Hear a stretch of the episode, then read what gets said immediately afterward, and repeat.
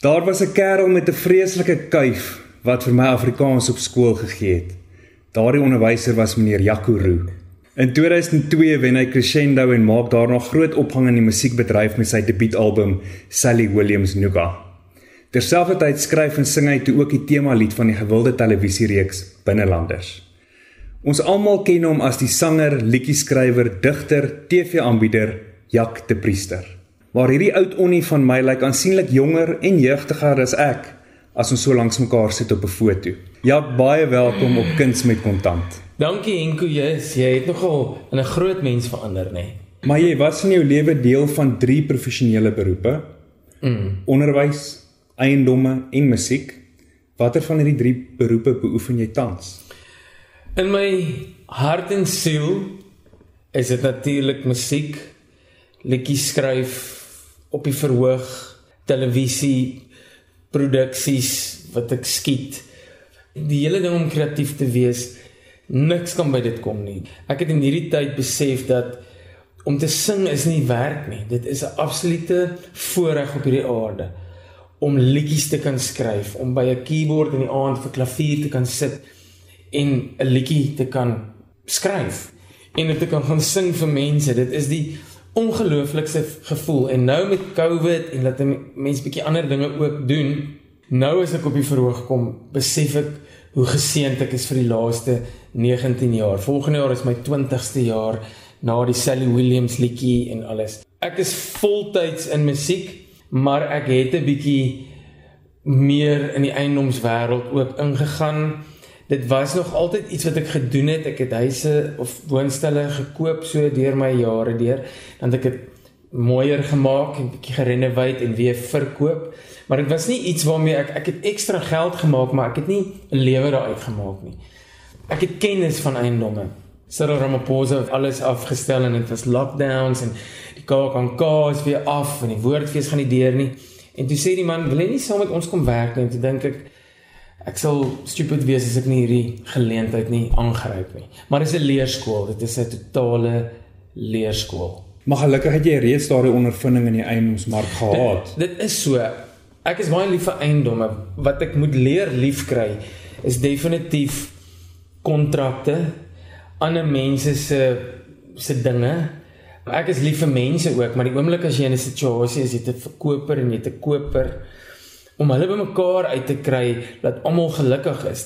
En en dis baie keer moeilik want 'n koper dink sy huis is dit werd en 'n verkoper het nie daai emosionele iets oor die huis nie. Hy hou van die huis, maar hy het nog nie kinders grootgemaak.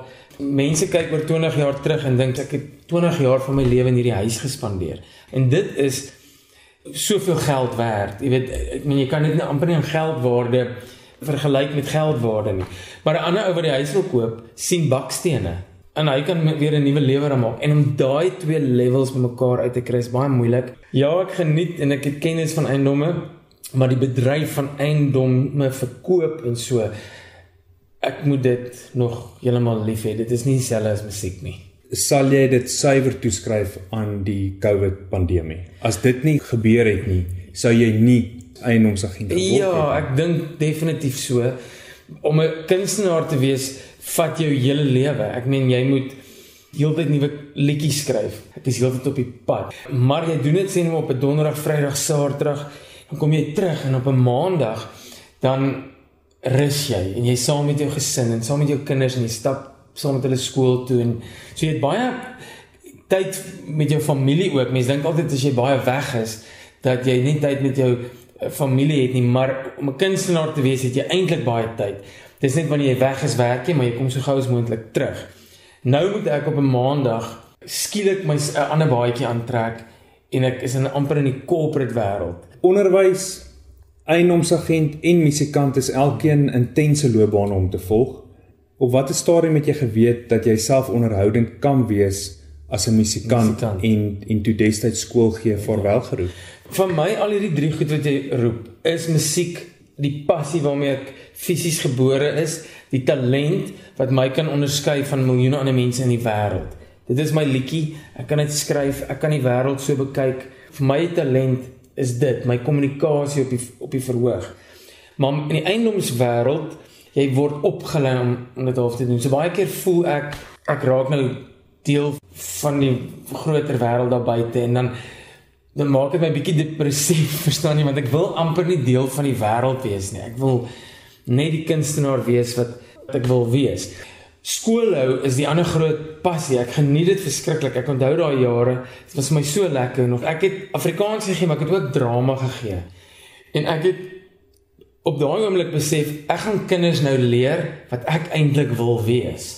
Ek wil 'n sanger of iemand op die verhoog wees. Eendag sien ek van daai kinders, dan's hulle bekende sangers of musikante of speel in binnelanders en ek dink jene, dit was eintlik my droom. So ek moes daai tyd sê, luister, al is dit vir my lekker, ek mal oor die snoepie en die personeel en die skoolhoof. Dis vir my een wonderlike plek. Daar is daar's geen beter plek as 'n skool wat mense aanbetref nie, want 'n skool gaan nie net oor geld nie. Wel, deesdae het dit verander. Maar skoolhou gaan oor mense, oor kinders, oor ouers en so. Dit was my fantasties, maar ek moes dit vaarwel roep. Ek sal nou baie beter onderwyser wees want ek het lewensondervinding as ek in die wêreld van Afrikaans of toneel of musiek moes klas gee, sou ek al my ondervinding oor die jare kon deel. Maar nou het jy ook weer daai ding van finansies. Ek het 3 kinders, ek het 'n vrou, hier's 2 honde. Hier's dit, hier's 'n huis moet daai goed betaal. En as daar een loopbaan is wat ek regtig voel onderbetaald is in in die wêreld waarin ons leef, is dit die onderwys. En dis die mense wat amper die meeste geld. So as ek kon 'n lewe lei wat ek wil lei met onderwys, sou ek dit weer kon doen. Ek ek mis dit amper. Maar ja, soos ek sê, die lewe kom nie goedkoop nie. Toe ek op die skoolbanke gesit het, onthou ek hoe ongelooflik mooi jy kon skryf. En in 2008 skryf jy 'n gedig genaamd Onsekerheid. En dit word opgeteken in die nuwe groot verseboek. En dis 'n reuse prestasie en duidelik het die lirieke en gedigte wat jy neerpen verrykende gevolge. Het jy al ooit finansiële besluit geneem wat verrykende gevolge vir jou gehad het? Definitief. Ek meen amper dalk meer slegtes as goeies, jy weet.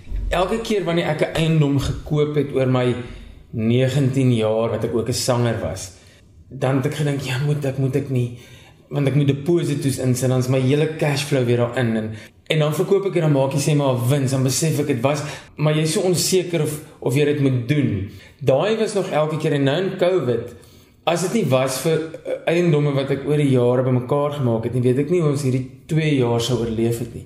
Want ek kon dit weer verkoop. Ek kon wins daar uitmaak. Ek kon my deposito's weer terugkry. Dit klink snaaks, maar dit het ons weer 'n cash flow gegee om my lewe aan die gang te hou. Nie vir ewig nie. En ongelukkig was dit my dis hoe ek wou aftree. Ek wou klomp eiendomme bymekaar maak en want dis iets wat ek ken en ek verstaan dit op 'n manier. Ek begin nou weer bietjie voor in die middel van my lewe, maar daar's miljoene mense in die wêreld wat nou weer oor begin finansiëel. En mense moet nou weer op 'n ander manier dink Ja, daar was ook iets wat jy gekoop het op daai stadium en dan was dit dalk nie die regte ding nie of jy bietjie te veel betaal of jy te oorkapitaliseer wanneer jy dit gerenoveer het en dan maak jy net jou geld terug. Op die einde van die dag alles leer jou les op 'n manier. Dit gee vir jou ondervinding. Dit is verrykende gevolge, maar alles is nie noodwendig sleg nie. Hmm. En alles is nie noodwendig goed. En soos ek hier sit, ek het 'n goeie lewe, maar ek kan nog ver nie aftree nie. Ek het hoop ek is nader aan en soos hulle sê toe kom COVID. Ja, ons ons lewe in in onsekere tye en ek gaan nou soos die onderwyser klink en jou vra of jy asseblief jou gedig onsekerheid vir ons sal voordra. Onsekerheid. Hoe lank nog gaan hierdie geluk wat so ongevraagd aan my lyf kom Peter het in die vreugdes van my dae bly lê? Hoe lank nog gaan dit vrugbaar bly en saad skiet in die sterre van my toekoms. Hoe lank nog gaan hierdie vuur bly brand en lig maak oor die stad? Die stad wat so voeter tussen my en jou.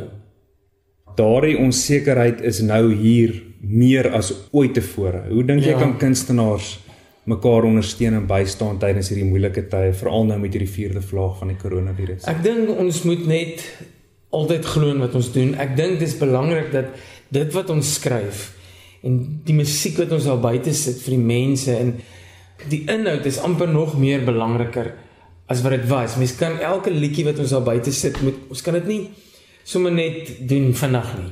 Want mense luister na musiek ook daar buitekant op 'n ander manier deesdae as wat hulle die woorde beteken vir hulle. Um, hulle assosieer met dinge. Ek dink ons moet net ons moet net aanhou met wat ons doen. En natuurlik ons sing nou vir baie minder geld vir baie kleiner groepe. Ek dink net ons moet mekaar ondersteun en sê luister, ons doen nie hierdie net vir geld nie. Hierdie is 'n tyd wat ons die wêreld, die mense se geestestoestand moet help aan die gang hou en opbou met met musiek. Want dan gaan dit tyd wees waar alles weer beter gaan en dan gaan die mense weer vir ons daar wees. Toe jy die gedig onsekerheid destyds geskryf het, mm. het jy nie besef hoe van pas dit vandag sou wees ja, in hierdie tyd nie. Definitief.